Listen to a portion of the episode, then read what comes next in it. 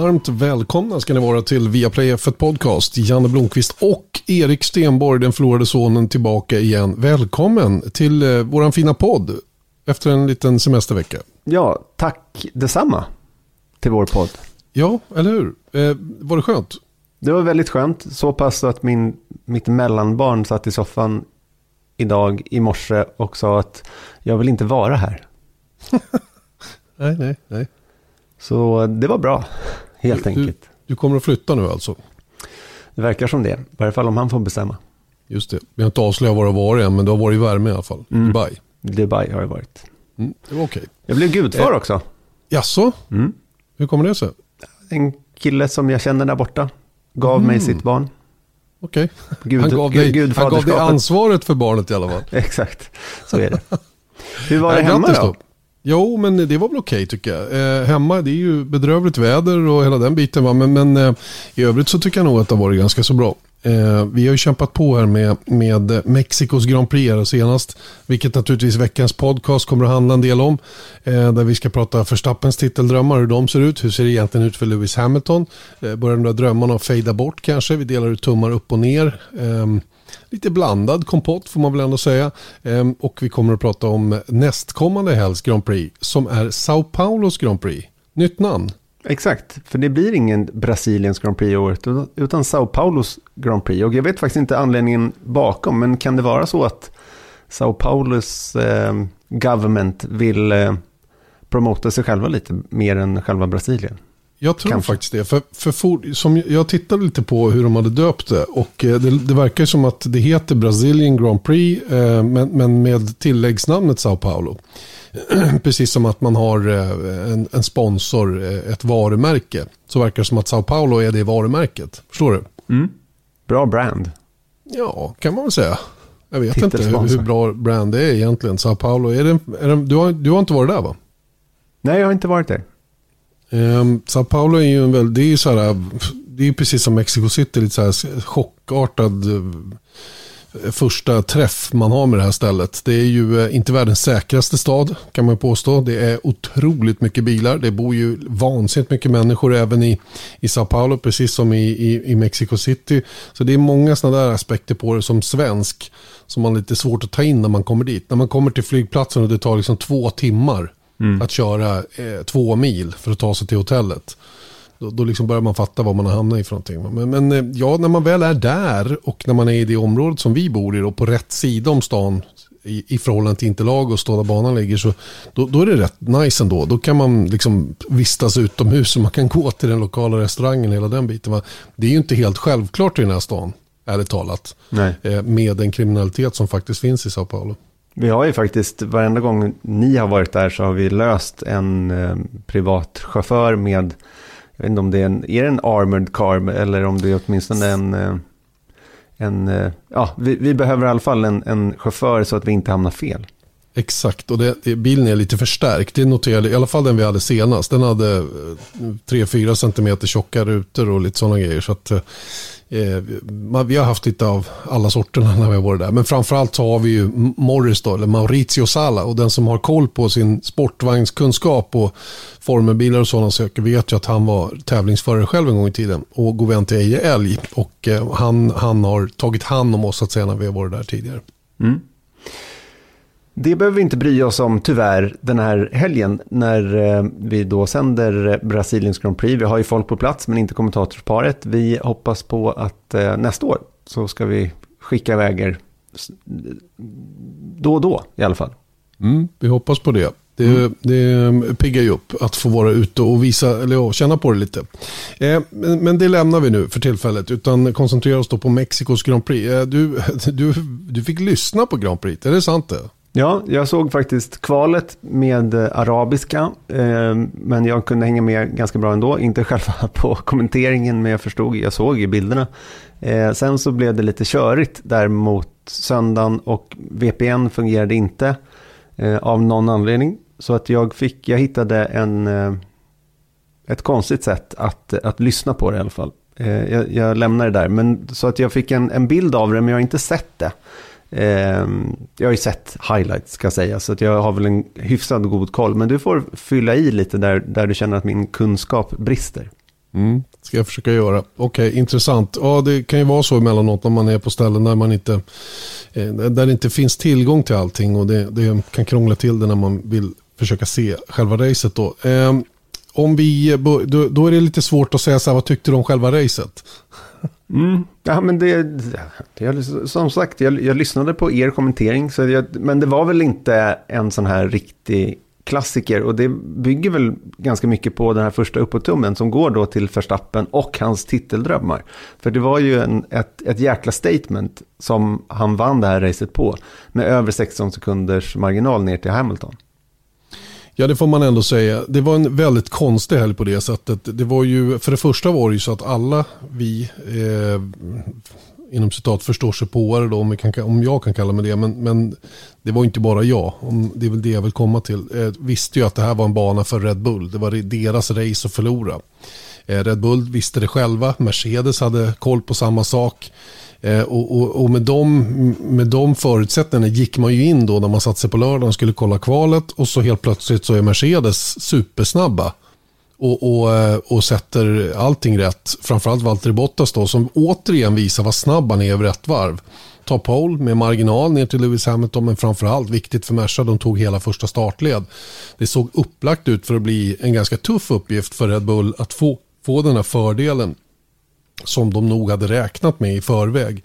Eh, och när man har läst på lite grann efteråt så, så visar det sig att eh, Mercedes gjorde allting rätt när det gäller att förbereda däcken för sina snabba varv.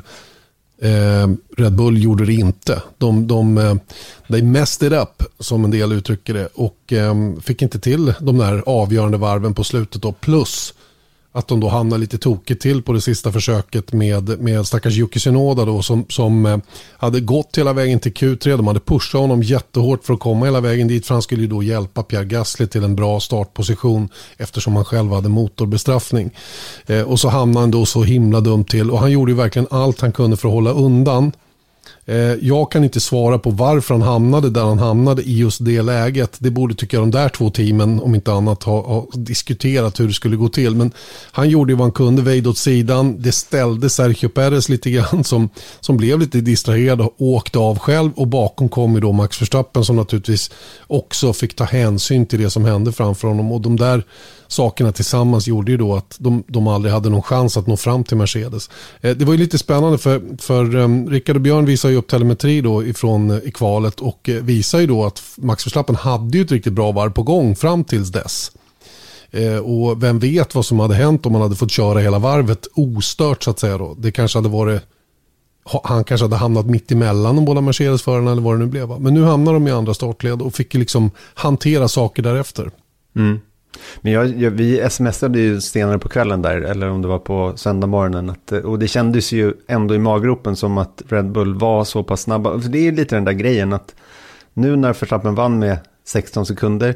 Eh, jag menar, det här var liksom första gången som jag kände att det här mönstret som man har letat efter hela säsongen med att, okay, vem är starkast nu? Nu är det liksom out the window att leta efter mönster. För det är där rakt framför ögonen på en att Red Bull är verkligen snabbast nu.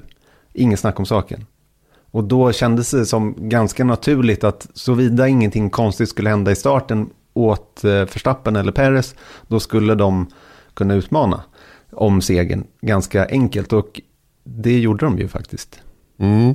Fast jag, är inte, jag tror att hade, hade Verstappen inte grejat det här han gjorde i första kurvan, då hade det nog blivit väldigt svårt för dem åtminstone att ta sig förbi. Eh, för jag menar, Sergio Perez försökte eh, på Lewis Hamilton. Han låg där i, i, liksom i, i luckan, eh, undercut-luckan nästintill hela tiden. Inte riktigt, men, men nästintill i alla fall. Han kom inte till. Och den här banan, höjden som vi är på, däcken som är på marginalen, motorerna som går på marginalen, bromsarna som går på marginalen, allting är på marginalen. Och det, det, det, präglar så det här racet. Jag har fått ett antal kommentarer om folk som hade svårt att hålla sig vakna. Det där gamla vanliga då när det inte är någon mm. klassiker. Då, oh, det var värdelöst tråkigt. Och jag såg Graham Rahal hade varit ute och, och tuggat Indycar-föraren. Eh, och tyckte att nu, Formel 1, de, de är liksom bäst på allt, men de måste förbättra racing. Det säger han då efter ett race i Mexiko, efter den här säsongen dessutom. Mm, mm. Det, blir, det blir töntigt. Och jag menar, då, han kanske ska titta på några Indycar-race också då i sånt fall, om, om, om vi ska göra den liksom, bedömningen. Men oavsett vad så, så är det så att Mexikos Grand Prix kommer alltid att vara på det här viset för den höga höjden eh, gör det så att säga. Det går inte att, förändra utan här är, man åker hit en gång, alla vet att det kommer att bli kritiskt, man öppnar upp karosserna och man gör vad man kan för att överleva i stort sett. Mm. Och eh, jag tror, men med detta sagt då så tror jag att hade Mercedes haft banposition så hade det inte blivit så himla lätt för, för Red Bull att vinna det här racet. Det tror jag inte. Sen håller jag med dig om att de har den snabbaste bilen. Det, det, det tror jag nog. Om vi tittar på de 22 banorna så har de i alla fall 75% på sin sida. Eh, med någon tiondel. Inte med jättemycket men de har det där lilla, lilla greppet i alla fall. Som det verkar. Och det, det syns ju statistiskt också på antal vinster, pole position, alltihopa. Det, det, där är mönstret Erik. Verkligen tydligt. Mm. Och därav så får ju Verstappens titeldrömmar då en, en tumme upp. Ehm, och jag tänker liksom återigen då efter det där kvalet som du berättade om så var ju det här resultatet ungefär så perfekt det kunde gå. Med Verstappen längst fram, Hamilton förvisso då på andra plats, men Perez var ändå på podiet på hemmaplan och allt det vad det var. Ehm, och de startade faktiskt tre och fyra, Red Bull-förarna, så det var ju en ganska bra grej. Då kan vi ju då konstatera att nedåt-tummen ska ju gå till Hamiltons titeldrömmar. För nu är han alltså 19 poäng bakom. Han har ju fått lite cred de senaste racen då för att han ändå lyckas, med tanke på då att Red Bull-bilen är så pass mycket bättre än, än vad Mercedesen verkar så är det bra att han då så att säga liksom lyckas skadebegränsa. Eh, och det gjorde han ju verkligen i Mexiko också, men poängen är att han inte kan skadebegränsa längre alls. Åtminstone inte speciellt länge till. För förlorar han, eh, blir det samma resultat som det blev i söndags i Brasilien. Eh, Räknat då att man kan få poäng för sprintracet eh, eh som vi ska då köra på lördag. Så är det alltså 26 poäng eh, som Hamilton skulle vara bakom. Och då är han i den här obehagliga situationen att Verstappen kan faktiskt bara lägga sig bakom. Är han direkt bakom Hamilton i resten av racen, då är VM över.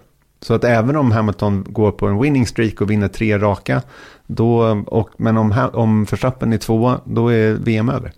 Mm. Och faktum är att i praktiken är det ju så att redan nu så måste Lewis Hamilton vinna i stort sett varje race eh, för att vinna VM. För att eh, han behöver fem poäng i snitt nu på Max Verstappen för att gå förbi med en poäng. Och bara där så tycker jag att uppgiften känns svårlöst för hans del. Eh, och ehm, ja, men det är bara att konstatera att, att eh, det, det, det är tufft för dem nu att att, att, eh, det är precis som du säger, va? det går inte att skadebegränsa dig. Nu är det full attack som gäller om de ska mm. vinna VM. Verkligen full attack. Nu är det, finns inget att spara på. Och det, vad brukar det betyda när man, när man tvingas till det?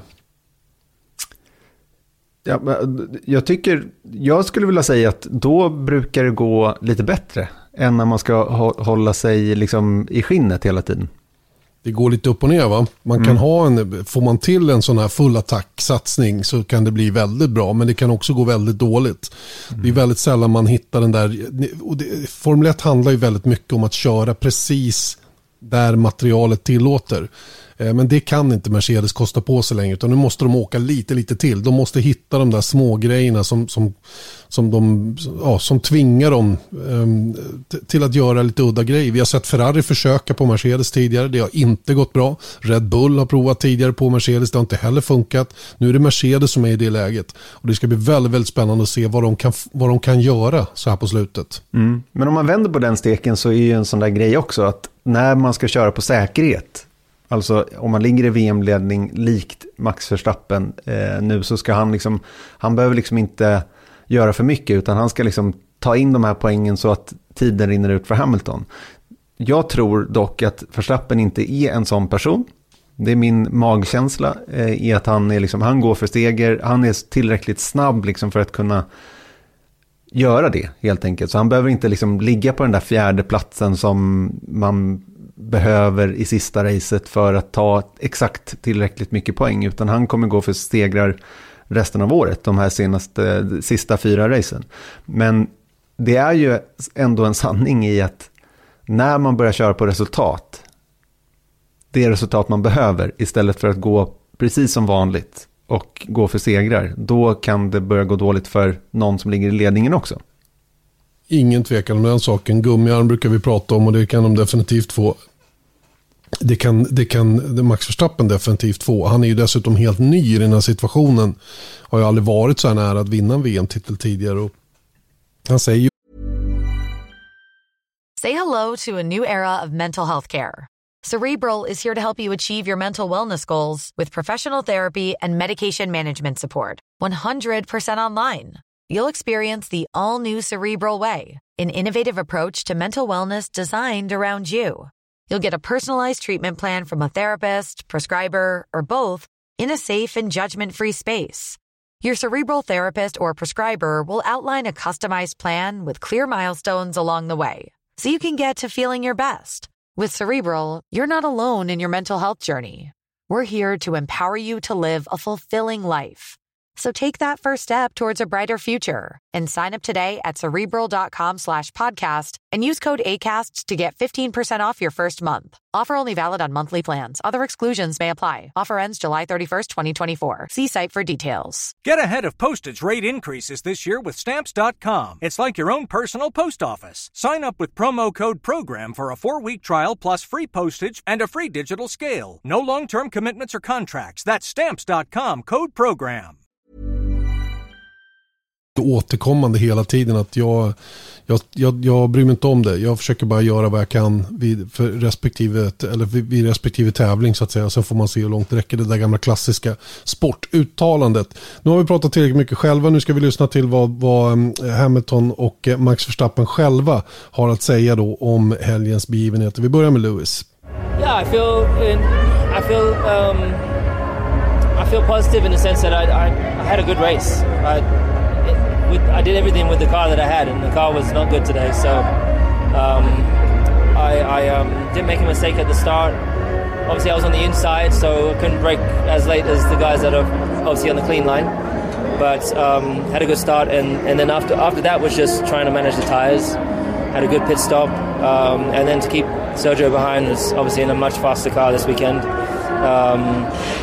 Yeah, uh, it, when you've got Sergio up behind you pushing you like that, you know the car is fast. and so, you know, um, I'm glad I was able to keep at least them, those two apart in terms of uh, getting a one-two for, the, for their team, and um, we move on and keep fighting. How are you feeling about things? Obviously, the car performance this weekend's been a bit up and down, and we're running out of races in the championship. I mean, they've had the they've had the fastest car most of the year, so it's it's not a surprise. Um, wish we were a little bit quicker this weekend, but today we were a long, a long way off, so I, I don't really understand that. But uh, we'll, we'll go back to the drawing board and try and come back next week stronger. Yeah, I mean, uh, yesterday I don't know, it was just uh, a bit unexplainable. But today, uh, of course, what was what was very important was um, was the, the first lap and uh, the start basically into turn one we went three wide, and um, yeah, it was all about who was try- who was going to break the latest, and uh, I got both of them into turn one, so that yeah, basically made the race, and I could just uh, control it from there. Mm. Han kunde kontrollera det från det, eh, från det att han lyckades bromsa ut båda Mercedes-bilarna in i första kurvan. Och, och ehm, eh, ska vi börja med Lewis Hamilton innan vi kommer in på Max Verstappen. Eh, han kastar några gurkor faktiskt. Mm. Kängor skulle jag säga. Ja men lite så va. Eh, jag tycker det var ganska förmätet att säga sådär om, om Perez.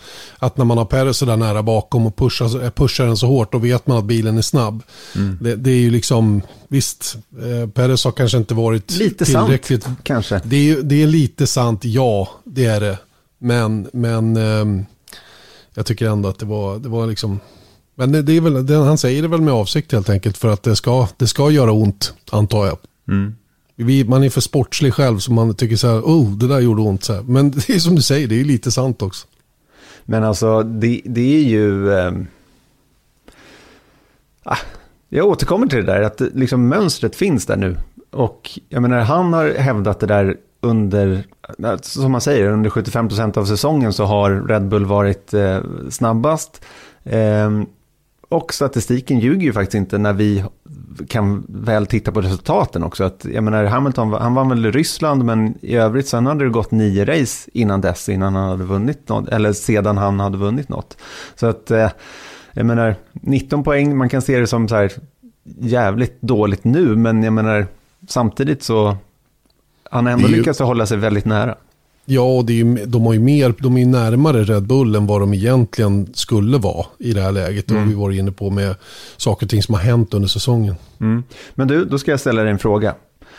Senast i, eller ja, inte senast, men i, efter USAs Grand Prix så, så, var ju Hamilton väldigt så här, it's not over yet. Då skulle jag vilja fråga dig, Janne Blomqvist, is it over yet? Eh, jag skulle påstå att det är det. Mm. Jag skulle påstå att det är över nu. Eh, jag vill inte på något sätt skjuta den här kampen i, i, i, sank. Men, men eh, utifrån min erfarenhet, utifrån vad jag ser, utifrån eh, liksom, resultaten som, som, har, som har kommit här på slutet och den lucka som Verstappen nu har. Så ser jag Hamiltons uppgift som närmast övermäktig och, och det då naturligtvis om de tar sig i mål hela tiden med normala resultat. Sen kan ju fortfarande en motor gå sönder, eh, du kan få ett dåligt depåstopp, du kan bli påkörd, det kan hända saker i starten och, och sådana grejer.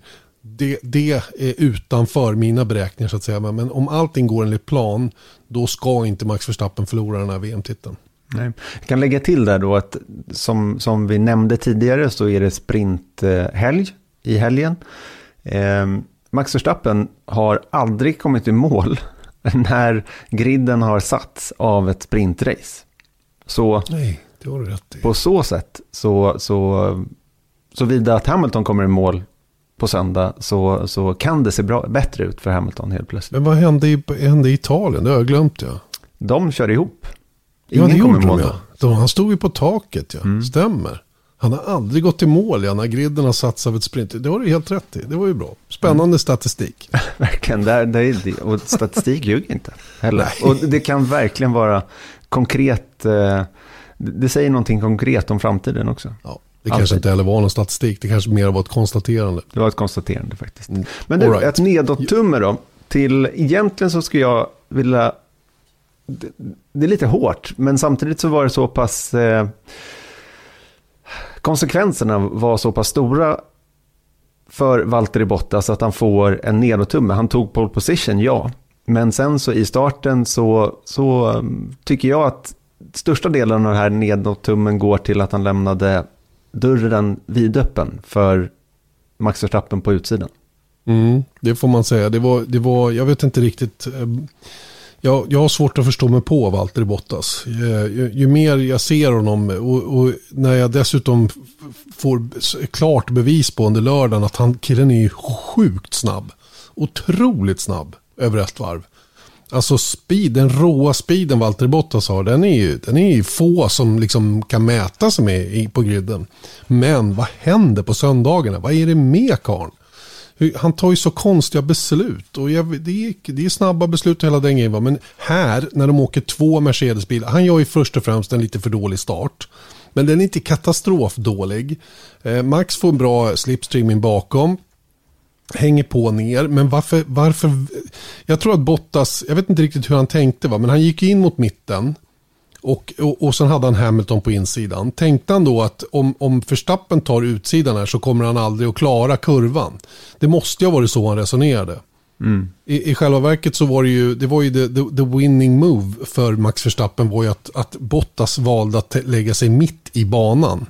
Och dessutom drar han sig ur situationen alldeles, alldeles för tidigt som jag ser det. Han är ju jättetidig på bromsarna där. Vilket i sin tur leder till att han också blir påkörd av utav Daniel Ricciardo.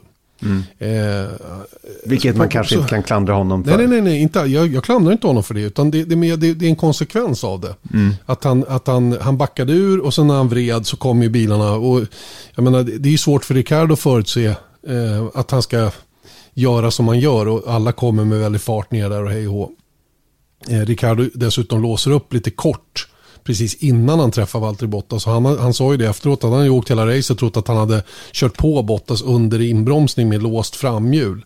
Och då är han ju direkt vållande till, till smällen och skulle haft en bestraffning. Nu blev det ingenting. Det vart ingenting av det, vilket jag tycker är lite förvånande på ett mm. sätt. Mm. Sett till hur domarna normalt sett agerar, att de inte ens valde att, kolla närmare på det. Utan de noterade vad som hände i första sig, men sen lät de det vara bara. Mm. Och det, det, det, var jag rätt förvånad över att det, att det blev på det viset. Va? Men, äh, men sen, och sen Bottas race i övrigt där, det Ja, jag vet inte. Han, han, han åker in, precis som Ricardo på första varvet och byter till hårda däck. Tänker att nu är vi klarade på honom så får vi göra vad vi kan. Och, och i det läget så trodde jag att fasen, nu kom, de kommer att klättra en del här. Mm. Eh, just för att de har klarat av det där. Och, och, Bottas var ju till och med före Ricardo ut ur depån men blir ju direkt omkörd i omstarten. Och sen kommer han ingenstans. Nej. Sen när han väl tog sig förbi eh, och, och sen då skulle in i depån, ja då pajade ju depåstoppet istället. Så att det var liksom, och det var ju verkligen inte hans fel utan det var ju bara det var ju bara så värdelöst att det hände för hans Han hade kämpat så hårt för, för att komma förbi. Och, och, helt plötsligt när han var förbi Ricardo så åkte han liksom två sekunder snabbare. Så han hade ju sjukt mycket fart. Men han kunde liksom inte göra något eh, åt situationen. Och eh, det är väl också den slutsatsen han själv drar eh, efter målgång. Att det var, det var besvärligt kort och gott. Very, very tricky and for me obviously quite, quite compromised with the first corner incident. Um, and then yeah, I was stuck stuck behind cars that I, I couldn't pass, and uh, was was really really tricky. Also quite limited with the with the engine and tire brake temperatures, so I couldn't like attack many laps in a row. So I had to go you know back and forward, and couldn't find a way to progress. In terms of the rest of the race thereafter, you spent most of the time behind Daniel, was it quite frustrating not being able to get through? Yeah, it was it was tricky. You know, they obviously say they have the same power unit, they they have good good straight line speed, and he was defending well and I just couldn't find a way.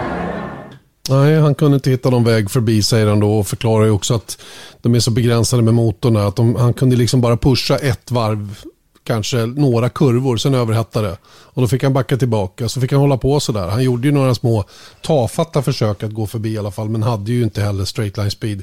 Trots att den där Mercan var, det var ju deras styrka egentligen eh, i Mexiko, var just farten rakt fram då. Men, men eh, Ricardo är en rutinerad räv och inte helt lätt att ta sig förbi.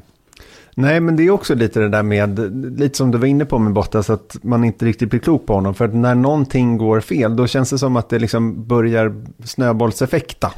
Eh, återigen ett, ett, eh, helt korrekt svenskt ord. Eh, snöbollseffekt alltså. Men det, det, det, känns som det händer allt som oftast för Bottas just. Mer än för de andra där uppe i toppen i alla fall.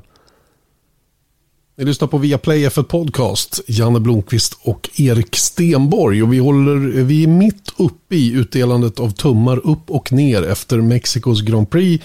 Eh, vi skickade en ganska eh, fet tumme neråt till Valtteri Bottas här alldeles nyss, trots pole position faktiskt inför racet, men, men utan att få något resultat med sig. Eh, han gjorde ju en cool grej Bottas, han såg ju till att Max Verstappen inte fick tävlingens snabbaste varv. Detta detta trots att Verstappen försökte busa med honom på slutet, backa ner till Bottas så att han inte kunde göra det då. Då valde Mercedes att ta in Bottas en gång till. Mm. Så att han kom loss ifrån Verstappen och sen kunde gå ut och göra det där snabbaste varvet. Det var många, många, som, eller många, det var några stycken i alla fall som, som hörde av sig angående det här med snabbaste varv. Lika bra vi reder ut det.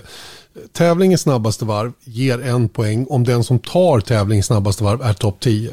Mm. Du kan slå tävlingens snabbaste varv utanför topp 10, men du får ingen poäng för det. Men då får du heller ingen annan någon poäng för det. Och det var ju därför som Mercedes och Valtteri Bottas gjorde som de gjorde. De ville helt enkelt ta bort en poäng för Red Bull och Max Verstappen.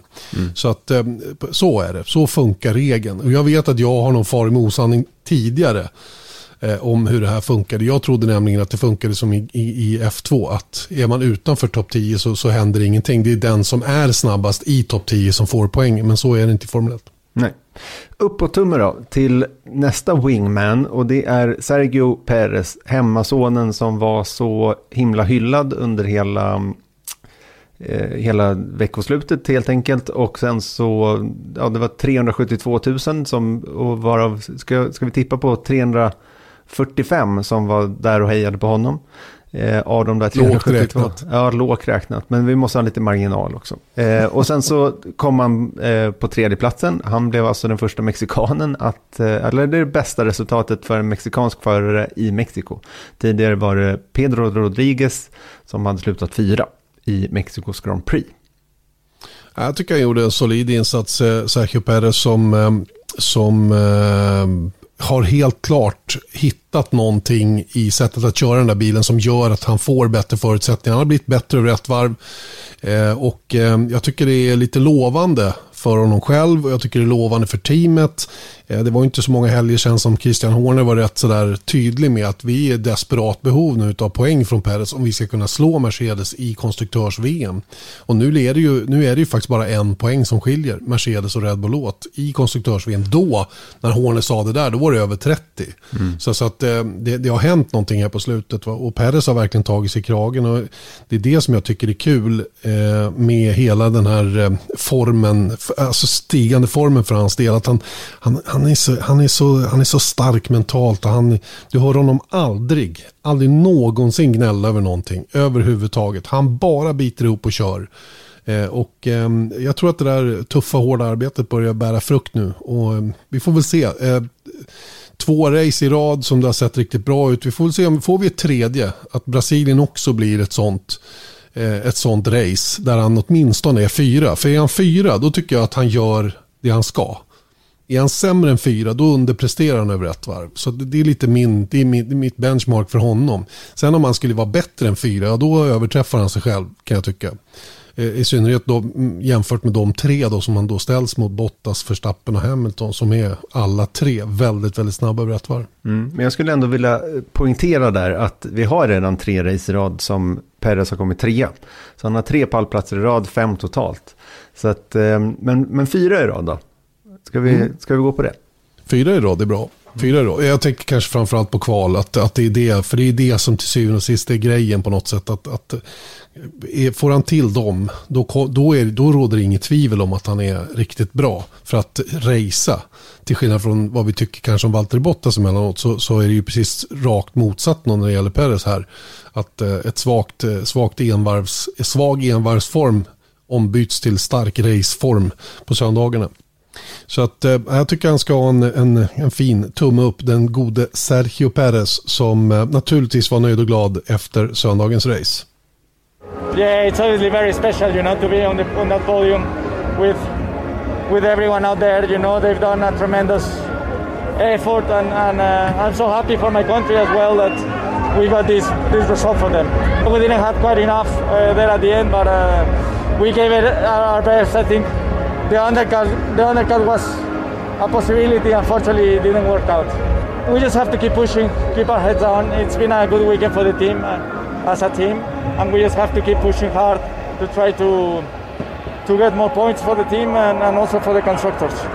Mm, det är nog det som är huvuduppgiften för honom då, att ta så mycket poäng att de alltså har chans att slå Mercedes i konstruktörs-VM. Han pratar om undercutten, eh, den som han hade chans på mot Lewis Hamilton. Eh, det var det, det var några tiondelar. Mm. Det, var, det var liksom det vi pratar om här. Eh, men de vågade inte ta chansen. Så Red Bull lät eh, Perez stanna kvar ute. Eh, såg till att han gjorde som Hamilton i USA. Skaffade sig ett däckövertag och, ehm, och ehm, skickade ut honom då med, med uppgiften att jaga hårt, gå ikapp och försöka attackera. Han kom ikapp med tiotalet varv kvar, men sen var det lite varvningar som gjorde att han tappade lite mark mot Hamilton. Så kom han tillbaka på slutet och hade väl ett läge in i kurva fyra där på sista rundan, men det, det fanns inte hela vägen fram och han, han, är ju inte dum så han gör inga, han gör inga konstigheter, Perez. Nej. Nästa uppåtumme som är en jättestor sådan går till Pierre Gasly. Slutade fyra i söndags. Eh, återigen skulle jag säga. Eller väldigt, väldigt bra eh, resultat återigen för eh, Pierre Gasly. Han tog alltså 12 poäng. Eh, och om man tittar på VM-tabellen så ligger, om man räknar in Mercedes, Red Bull, Ferrari, McLaren. De är ju kanske inte i samma liga, men de är en annan liga sett i mittfältet. Och eh, då är den bästa positionen en förare som inte kör för ett sånt team är eh, nionde platsen. Och där ligger Pierre Gasly. Han har alltså 80, 86 poäng. Eh, 26 mer än Fernando Alonso som ligger på, på tionde platsen. Eh, och är då, ja, han, han, är ju en bit bakom, han är 30 poäng ungefär, nej 20 poäng bakom eh, eh, Daniel Ricciardo. Men i en Alfa Tauri så är det jäkligt, jäkligt bra. Och Alfa Tauri som team, även om de hette Toro Rosso tidigare, har jag haft den här eh, siktet inställt på att sluta femma i VM. Det har varit liksom ett, ett mål under väldigt, väldigt många år. Och nu ligger de faktiskt på femte plats delat med, eh, med alpin. Så att i år kan vara året det sker.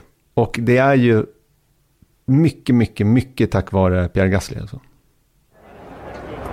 I'm uh, extremely happy. Uh, P4, um, uh, it's been a fantastic weekend, 15 quali and, and falls in the race. So everything was under control uh, with Charles behind and uh, pull away nicely, Managed the, the, the whole race. So uh, no, just a fantastic day. I mean, especially in the last uh, four races before that, we had two DNF, which is uh, even though the pace was there. But yeah, this weekend the car was there. We delivered yesterday in quali, we delivered today in the race, and finishing behind the, the two Ferraris uh, always feels uh, always feels nicer.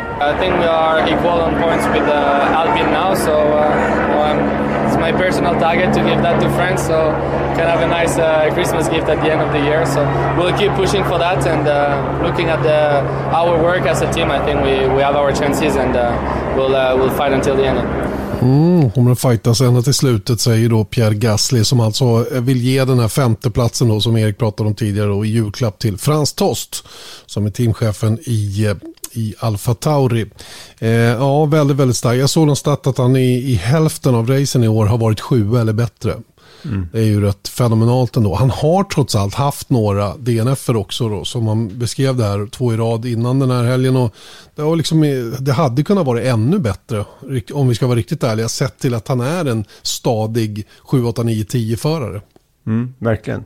Det som jag oroar mig för lite runt Pierre Gasly är hans framtid faktiskt, utan att vara eh, för dystopisk. Så det är ändå sådär att vi vet nu att han är kvar i Alfa Tauri ytterligare ett år eh, nästa säsong. Och jag menar, den här säsongen är ju absolut värdig ett, ett bättre öde än Alfa Tauri ändå. Han, man skulle vara kul att se honom i ett toppteam. Han fick ju tjänsten i Red Bull under ett kort, kort tag. Eh, blev eh, tillbakaflyttad till Toro Rosso och eh, har liksom lite fastnat där. Det var ju lite sådana här eh, rykten om att han kanske skulle vara liksom en teamleader i ett annat team, alpin till exempel, men, men eh, inte på kort sikt. Och då tänker jag mig ändå att ingen vet ju vad som sker 2022. Och om Alfa Tauri visar sig vara ett 2022 års Alfa Romeo som inte hänger med alls, då kan man lätt börja glömma bort Pierre Gasly. Och det tycker jag vore lite tragiskt med tanke på att han faktiskt visar gång på gång på gång. Och jag menar det har han gjort under stora, större delen av sin F1-karriär. Förutom då i Red Bull-bilen. Eh, och visat att han är en riktig toppförare. Mm. Vad tror du om hans liksom, framtid och eh, finns, det någon, finns det inte någon liten oro där? Det är klart att det gör det och det, jag tror inte det hade någon annan förare på griden i den typen av bil som Pierre Gasly kör gjort de här resultaten så hade han ju varit stekhet på marknaden. Fullkomligt fräst om honom. Men nu gör inte det runt omkring Pierre Gasly. För dels vet de att han är Red Bull-egendom ett år till och det är liksom sorterat redan i det avseendet. Eh, plus att han fick den där chansen upp i Red Bull. Det gör fortfarande att det finns en del frågetecken där om, om eh, om varför det blev som det blev hos Red Bull och det går säkert en del rykten. Vi har hört lite grann om samarbetssvårigheter och allt vad det är. Eh, och, och 90% ehm, av sin Formel 1-karriär har han ju faktiskt spenderat i ett och samma team då, där han just nu gör väldigt bra resultat. Hur är han någon annanstans? Mm. Det är ju det som är frågan då. Ja, han, han själv är ju helt övertygad om att karriären inte är över och att det finns massor fortfarande att hämta i Formel 1 och förhoppningsvis i ett bra team eh, så fort att möjligheten finns. Frågan är ju bara vilket team skulle det vara? Ja, jag säger fortfarande att alpin är hans bästa chans eh, att, att komma in någonstans eh, på, på ett sätt som gör att han faktiskt får en bra möjlighet till ett fabriksteam. Jag tror Ferrari kommer aldrig hända. Red Bull kommer aldrig hända igen. Mercedes, nej. Eh, och, och McLaren, knappast. Mm. Så att, eh, jag vet inte, det, det, för mig känns det som att alpin, och jag menar så länge Alfa, eh, Fernando Alonso kör där, han, hans tid är ju liksom räknad på något sätt. Det är inte så himla långt kvar innan han lägger hjälmen på hyllan, så är det ju bara. Så att där skulle ju luckan kunna vara för, för Pierre Gasly om man bara håller sig kall nu, fortsätter att göra sitt allra, allra bästa då under, under nästa säsong oavsett material. Men, men eh, jag förstår ju dina farhågor. Skulle, skulle Alfa Tauri nu av någon anledning inte vara bra nästa år på samma, samma nivå som de är i år. Och han blir lite bortglömd och gör inga resultat. Ja, men det, det är svårt att hålla sig, det är svårt att, att hålla liksom marknaden vid liv. Om mm. du förstår vad jag menar. Mm. Men, men om du tänker att en flytt till Indycar skulle vara alternativet då. Så tror jag inte att han är intresserad av det just nu. För jag tror att han ser, en, han, han ser sin Formel 1-karriär i uppåtgående. Den är på mm. väg upp fortfarande. Ja, nej men det är klart. Han sitter på väldigt starka aktier. Och jag menar, det finns ju ändå halvtydliga vägar framåt. Om man tänker sig att han, att han gör nästa säsong på par med den här. Då och till exempel då att en Sergio Perez inte kommer överens med en 2022 års eh, reglementesbil. Eh, jag menar då, jag vet inte vem liksom Red Bull ska stoppa in heller i, för att ersätta Perez i så fall. Eh, där finns Den, ju ändå Dennis lite, Hauger. lite... Ja, exakt. Men det är väldigt eh, tajt om tid för honom. För han ska först köra Formel 2. Och sen så, och jag menar Sunoda, det är klart att han helt plötsligt kan liksom komma som en raket nästa år. Och det kanske passar honom jättebra. Det är ju det som är problemet. Att vi vet ju inte riktigt hur det kommer se ut nästa år. Men sen så vad gäller um, um, alpin, så är, som du säger också, Alonso, han kanske kör nästa år och sen så är han klar. Who mm. knows? Mm. Jag menar, det är ändå så att han inte, han blir inte yngre han heller. Så det, det, finns ju två chanser, men det, nästa år är ju ett jättenyckelår för Gasly. Verkligen, verkligen. Ska vi göra lite paus i våra tummar upp och ner? För jag tycker det är lite kul, apropå nästa år. Eh, vi hade ju, du hade ju riggat en väldigt bra gäst i, eh, i helgens sändningar då, i form av Jonas Jarlmark då, som, som är professor i väghållning. Mm. jag kallar honom det. Mm. Eh, jobbar ju på Öhlins som bygger stötdämpare bland annat. Och ehm, eh, är ju ett, ett världsledande företag när det gäller eh, racing stötdämpare. Och, och, han har verkligen koll på det här. Och den här, den här Aero-modellen som han visade upp i sändning då var ju förbluffande. Mm. Eh, och vilka siffrorna, eh, var, där siffrorna var lika förbluffande faktiskt. Så man verkligen förstod eh, vad de olika koncepten innebär och vad det är man är ute efter och hela den biten. Va? Så att, och där har man ju tusen frågor. Så att eh, jag, jag, jag säger till dig att honom måste vi ha som gäst i podden. Mm, gärna. Vet du, vet du vad, som, vet vad han gjorde sen på söndagskvällen? När han hade kommit hem. Då satt han den där jäkla diffusern som han hade byggt då själv i sitt garage. Då satte han den upp och ner i taket och började blåsa med sin lövblås och eh, den fastnade. Den gjorde det alltså? Mm, mm. Så då har, vi, då har vi bevisat den tesen också, eller han?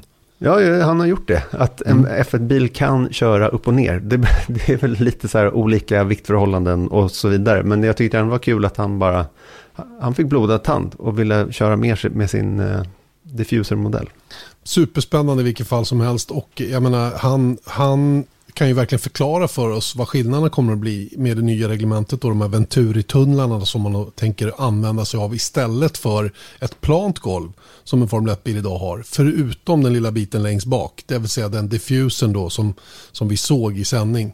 Det är ju liksom slutfasen av golvet där man accelererar ut luften bak till.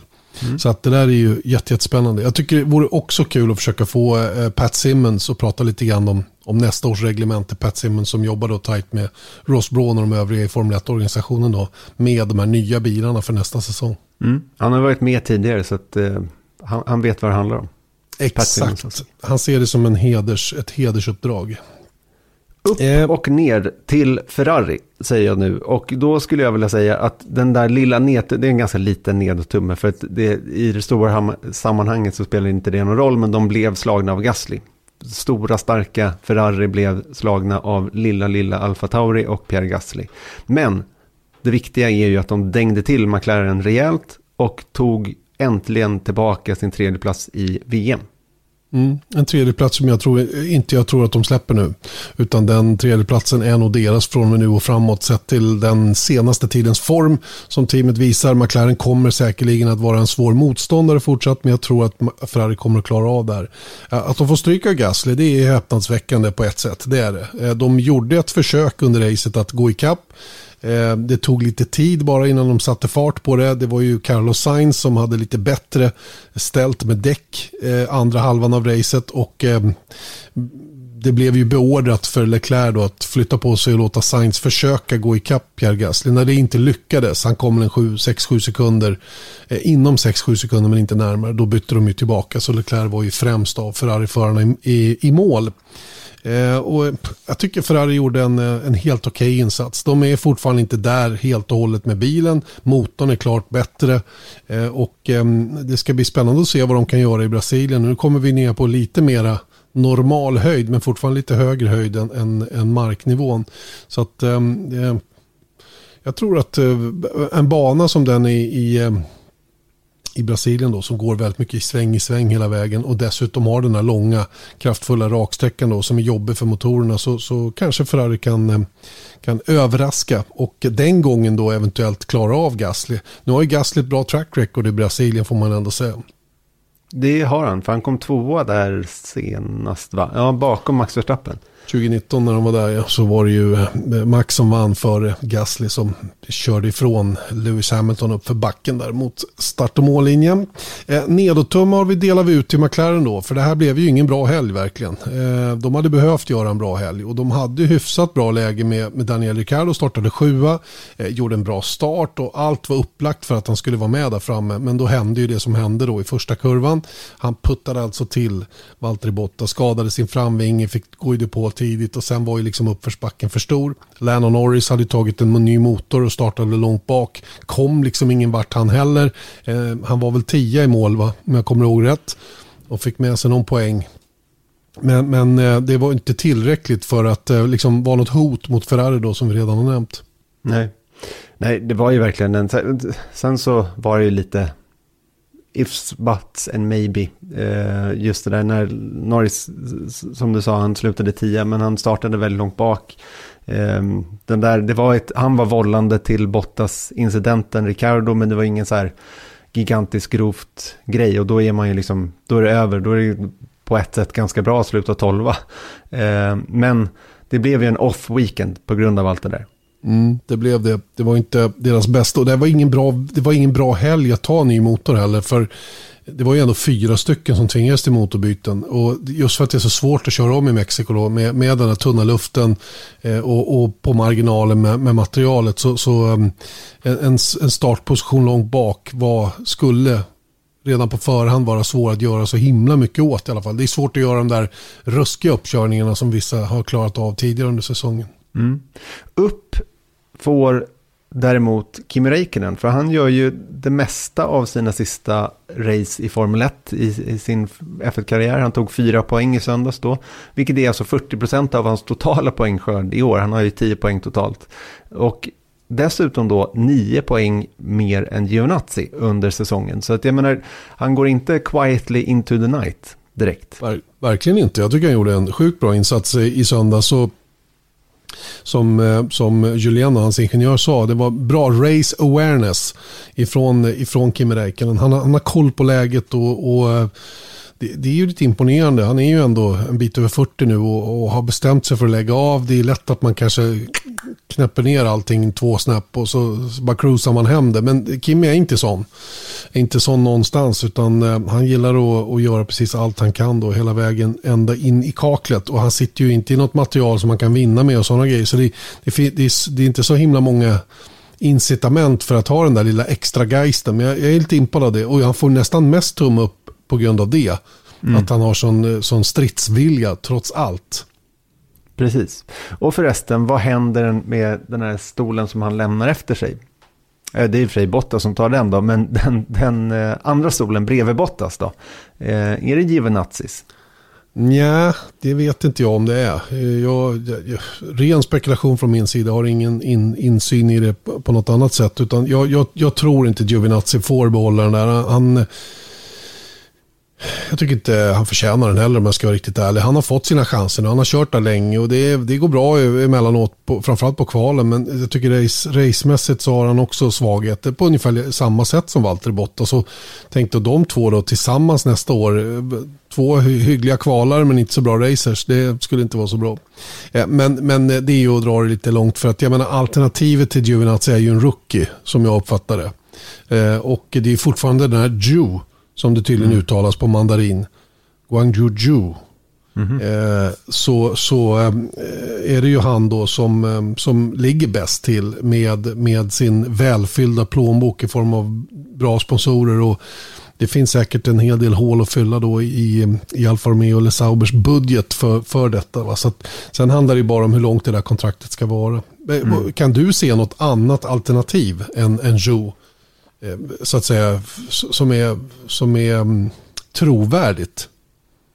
Nej, det är väl bara de två som jag ser det. Giovinazzi eller Joe just nu. Ja, det är det jag känner också. Sen så, det som jag tycker gör det lite rörigt är att jag förstår inte riktigt eh, kopplingen längre mellan Ferrari och Alfa Romeo eller Alfa Romeo och Sauber.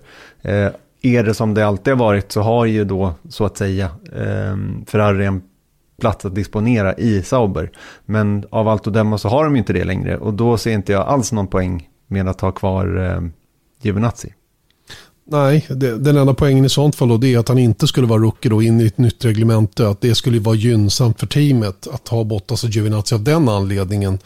Eh, samtidigt kan det nog vara kanske lite fräscht att komma med en kille som aldrig har kört de här bilarna och kommer till det här nya reglementet med helt friska ögon. Visst, Joe har ju kört lite grann i en 2018-bil och han har fått prova på modern Formel 1-bil. Men han har inte tävlat och lagt de där liksom tusentals milen under bältet som, som Giovinazzi har efter sina år i Formel 1. Så det, det, kan ju vara en fördel om man ser det ur, ur, den, ur det perspektivet. Då. Och, och, mm. erfarenheten får de ju ändå då genom Valtteri Bottas som kommer från en stor organisation då med, med väldigt eh, så här, som, som har lagt stor vikt vid detaljer och hela den biten där han kan säkert bidra med en del bra saker till, till, till teamet som helhet.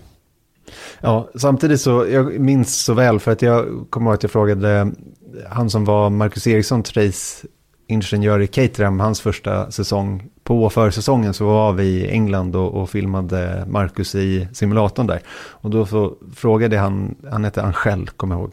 Ehm, är det på något sätt positivt att göra debut just i år? För det var 2014, det var det här nya reglementet då. Eh, med nya motorer, ny aerodynamik och nosar och allt vad det var. Och då sa han så här, det är aldrig bra för en rookie att komma in i ett nytt reglemente. För det är tillräckligt mycket att lära sig ändå. Och teamet i sig måste lära sig så himla mycket och då är det svårt att luta sig på en rookie. Eh, så att jag, jag, eh, jag på, på, så sätt så skulle jag ändå kunna tänka mig att Givenazzi har en, en, en sportslig chans. Men, men eh, jag tror sam, sannolikt inte det. Nej. Vi får vänta och se. Det ska väl inte dröja mer än någon vecka innan vi får besked om jag förstod saker och ting rätt här. Eh, åtminstone är det så det har kommunicerats. Det kan ju tänkas att vi redan under Brasilienhelgen vet vem som kommer att köra för Alfa Romeo då jämte Valtteri Bottas. Och framförallt skönt för teamet nu att veta att det inte är några det är inte något nytt ägarskap på väg in eller det är några större förändringar och hela den biten utan det är, det är som det är. Och det kommer att fortsätta vara så. Mm. Det tror jag är många glada för i Schweiz som inte annat. Mm. Sista tummen upp går till Mexikos Grand Prix som helhet. Eh, vilken fiesta, precis som vanligt. Mm. Massor med folk. Vi har alltså haft 772 000 åskådare nu på två helger. Det är rätt imponerande på den sidan Atlanten. Mm, verkligen, 372 000 då, bara i Mexiko då. Och eh, grejen lite med Mexiko är att de är med på kalendern nästa säsong, men därefter så är det lite mer osäkert. För att när Mexiko som Grand Prix kom in då på kalendern, när var det? 2016? 15? Mm. Någonting, typ. Någonstans där. Eh, då hade de ju statlig backning, vilket de flesta nya racen i Formel 1 ändå har. Eh, mer är de bara backade av liksom stadens styre, av Mexico Citys styrande organ och lokala finansiärer då. Eh, men jag tänker liksom att med en sån här succé, 372 000, återigen, Perez på i ett toppteam. Eh, han tog pallplacering för, för Red Bull. Eh, det vore liksom synd och nästan lite konstigt om vi skulle tappa Mexikos Grand Prix långsiktigt. Mm. Ja, det är, men visst är det så. Rent fest, festlighetsmässigt så är det ju ett, ett bra race. Rent racemässigt är jag väl kanske inte lika övertygad om att Mexico City är den där fullträffen. Det är en fruktansvärt tråkig bana. Det är eh, sällan några spännande race eh, just med den höga höjden som vi har varit inne på tidigare då, som, som en av anledningarna. Så att, men, men eh, visst, visst ska man vara i Mexiko om man kan lyckas attrahera så här mycket människor. Det är väl ingen tvekan. Åtminstone nästa år så får vi se hur det blir. Mm, just det. Uh, all right, då, ska vi, då är vi väl klara med tummar upp och ner. Då kan vi börja blicka lite framåt. För uh, vi har ju faktiskt ett race kommande helg också. Och uh, Vi var inne på det tidigt i podden här att det är Brasiliens Grand Prix som alltså kommer att heta Sao Paulos Grand Prix den här helgen. 38 gången vi kör. I Sao Paulo. Eh, I Sao Paulo ja. Och eh, det här är alltså tredje och sista sprinthelgen för i år. Där eh, försöket i år då med att, eh, att pigga upp helgerna. Att få alla tre dagarna att ha ett viktigt moment. Och eh, det här blir ju det första utanför Europa och man ställer sig frågan ganska snabbt. Passar det här formatet för Interlagosbanan? Vad säger du utifrån din stora och djupa erfarenhet som racerförare just där? Ja, verkligen. Jag har ju varit där så himla många gånger. Det har vi konstaterat tidigare så att eh, jag vet varenda liten vrå av Interlagos. Nej, men jag, jag, jag tror på något sätt att Brasilien kan passa bättre än vad Monza gjorde på något vis. Just för att, att det kan vara lite, det, då har vi ett bra omkörningsställe och det är egentligen det enda och det är in i första och andra kurvan där i chikanen där. Men där är också ett väldigt, väldigt bra omkörningsställe. Mm. Just med traction ut ur sista kurvan och sen så över den där backen upp och sen så en backe ner. Det är lite konstig inbromsning. Eh, man kan ta insida, man kan ta utsida. Så jag tror på något sätt att tack vare den eh, omkörningsstället alltså, så, så tror jag att Interlagos kan, kan funka helt okej. Okay. Ja, det tror jag också. Och eh, sen vet vi att vädret kan ju vara högst instabilt eh, i Brasilien vid den här årstiden. Det kan ju regna av och till och det ligger ju inte så långt ifrån havet där. Och det, det är mm, vår chaufför som vi nämnde tidigare, då, han brukar ha lite små tips på hur man ser var, varifrån, eh, varifrån eh, så att säga, vinden och molnen kommer, om det ska bli regn eller inte. Det är ju inte första gången det, det regnar i, eh, i samband med Brasiliens Grand Prix om det skulle göra det den här helgen. Nu har inte jag kollat några prognoser ännu. Men, men eh, det är mycket möjligt att det, eller jag, jag, jag, förutsätter helt enkelt att det är ostadigt väder som väntar. Det kan ju samtidigt vara väldigt varmt. Eh, vilket blir påfrestande för däcken. Banlayouten på Interlagos är ju väldigt mycket kurva i kurva hela tiden. Det är sällan däcken får vila mer än den här biten upp för backen över start och mål. Och det är ju faktiskt det är ju sväng det också hela vägen över i stort sett tills man kommer ner till bromsning i första kurvan. Så det är ett ganska tufft race i det avseendet. Då. Ehm, jag vet att när vi var där sist så gjorde vi en rejäl promenad runt banan. Mm.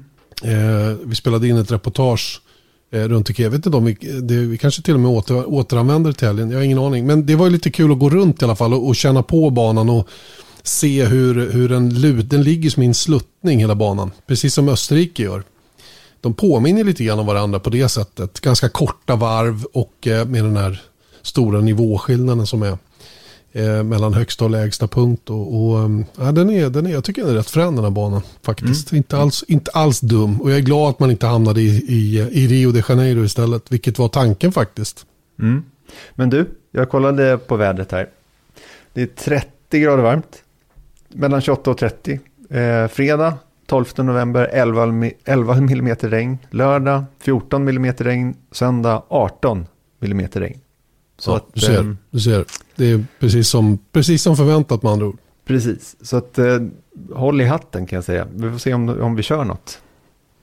Um, ja, vi, vi kommer ju alla ihåg 2016. Det var ju ett speciellt race. Det var många som kraschade. Uh, och Max Verstappen körde upp sig väldeliga och slutade trea vill jag minnas. Och blev ju utnämnd till värsta regnkungen efter det racet. Ehm, och, det, och, det, var ju ett speciellt lopp rent generellt. Så att det är klart att det kan bli, bli eh, att, det, att det blöta kommer att påverka. Ehm, men nu är det som sagt sprinthelg då och ehm, det här ställer ju lite andra krav på teamen. De får bara en träning, sen är det dags att kvala. Sen får de en träning till och sen är det dags att köra det här, den här sprinten på 100 kilometer och efter det då så är det ju race på söndagen. Så det är väldigt lite förberedelsetid. Det är mycket körning men lite förberedelsetid. Det är mycket mera utföra än att förbereda. Mm. Verkligen, och om man tittar på, nu har vi inte tagit ut några så speciellt många grejer som vi skulle hålla ögonen på, men egentligen så det, det enda jag kommer hålla ögonen på är ju just Hamiltons beteende den här helgen, helt enkelt. För han kommer mm. ju ösa fram, alltså han måste ösa fram. Ja. För att så att tiden inte rinner ut. Och jag tycker att det kan bli väldigt spännande då i, i lite ostadiga förhållanden, just med de här förberedelserna också. Så det, det är jäkla spännande helg ändå. Mm. Vad, vad, tror du om eh, psykkriget då mellan Toto Wolf och Christian Horner? De fortsätter ju jabbas lite grann med munnarna och eh, det, det, kastas lite så här, eh, saker fram och tillbaka. Och, hela den biten. Är det, är det bara spel för galleriet eller är det saker som egentligen gör någon skillnad? Ehm, förarna försöker ju båda två att spela ner det här att det skulle bli en smutsig fight. Va? Men, men ehm, jag vet Wolf var ju ute och sa att om Hamilton behöver då skulle han kunna göra som, som sen har Prost liksom och verkligen stöka till det för varandra. Men, medans, eh, det känns som att förarna själva ändå är noga med att påpeka att de vill ju vinna det här fair and square, inte på något annat sätt. Nej, jag tror inte det heller. Men sen så, sen så vet man, alltså, jag menar, det är klart att det betyder skitmycket för de båda. Ehm, så att hamnar de i ett läge så... Jag, jag, tror inte det har någonting med det eventuella sykriget mellan Toto Wolff och Christian Horner. Men däremot så vet de här två förarna, de vet precis vad de vill göra helt enkelt. Och jag tror att det kan, det kan eh, ske ett och annat, om jag säger så, rörande den, den situationen. Absolut, och jag tror också att sådana här saker som, som det här med att sno tävlingens snabbaste varv senast som Bottas gjorde, hem Förstappen som backade ner, sett att många varit kritiska till det Förstappen gjorde mot Valtteri Bottas. Men varför är man kritisk mot sånt? Det är ju liksom, eh, man gör ju vad man behöver. Och har man marginal att göra det så, så kan inte jag se något osportsligt i det på det viset. Sen är det ju liksom, det är lite fränt att det blir på det där viset. Och, och Merca var inte sena att lösa det genom att ta in Bottas en gång till. Alltså, så, sådana grejer, de, det kryddar ju bara anrättningen lite. Verkligen. Och jag menar, som, som vi sa, it's not over yet. Det kanske är över, mer över än vad vi hoppas på. Men helt plötsligt så händer någonting bara. Så, så är vi tillbaka. Exakt, och så skiljer det bara någon enstaka poäng istället. Eller till och med en ny ledare. Vilket Precis. det skulle kunna bli då om det blev noll poäng till exempel för Max Verstappen den här helgen. Och nu är det ju två möjligheter att råka illa ut också i och med att det är två race. Två race-starter, mm. kritiskt. Hela den biten va. Eh, vi kan konstatera att Max Verstappen vann senast då 2019 före just Pierre Gasly och Carlos Sainz som sent om sidor fick kliva upp på podiet. Mm. Det tog lite tid, kommer du ihåg? Just det, var det mot, en... just det, det var Hamilton som körde på Albon va? Just det, och eh, Hamilton hade det lite körigt där med, med Albon på slutet och eh, det blev tokigt. Jag tror att det var uppe i kurva 8 eller något sånt där, kurva 6-8, som de smällde ihop en aning. Och eh, det där kostade ju då Hamilton eh, tredjeplatsen som då istället gick till Carlos Sainz. För ni minns ju Gaslys eh, Gaslys fight med Hamilton upp för backen upp mot mållinjen. Och då trodde, då trodde vi alla i det läget i alla fall att Hamilton skulle bli trea. Men han blev alltså bestraffad och tredjeplatsen gick då istället till Carlos Sainz. Mm. Så ser det ut. Eh, just det, eh, Brasiliens Grand Prix. Eh, gör du comeback som som producent i helgen. Yes, jag rattar sändningen eh, och eh, vi har även bjudit in Alex Elg. För att det har varit eh, flera frågor under säsongen runt det här med eh, triple headers, hur mycket det påverkar fysiskt, vad man kan göra eh, för att förbereda sig på bästa sätt. Eh, och även liksom få en större inblick i vad som faktiskt krävs för en Formel 1-förare på, på, i modern tid. Sett mm. träning och fysiska förberedelser. Så att eh, Alex Elg, mycket bra, mycket bra. Han har stor erfarenhet på detta område och har ju jobbat med Marcus sedan 2014. Marcus Eriksson. Även gjort inhopp hos andra förare under åren och ehm, ja, han håller sig minst sagt i god form själv kan man konstatera. Mm. Ångestladdat att följa honom på Instagram. Ja, ja. I alla fall för mig. Mm. Ja, för mig också faktiskt. Men du, Nåväl. vi syns ja. igen, eller vi hörs igen nästa eh, tisdag och vi hörs till helgen. Det gör vi. Ha det gott så länge. Hej då!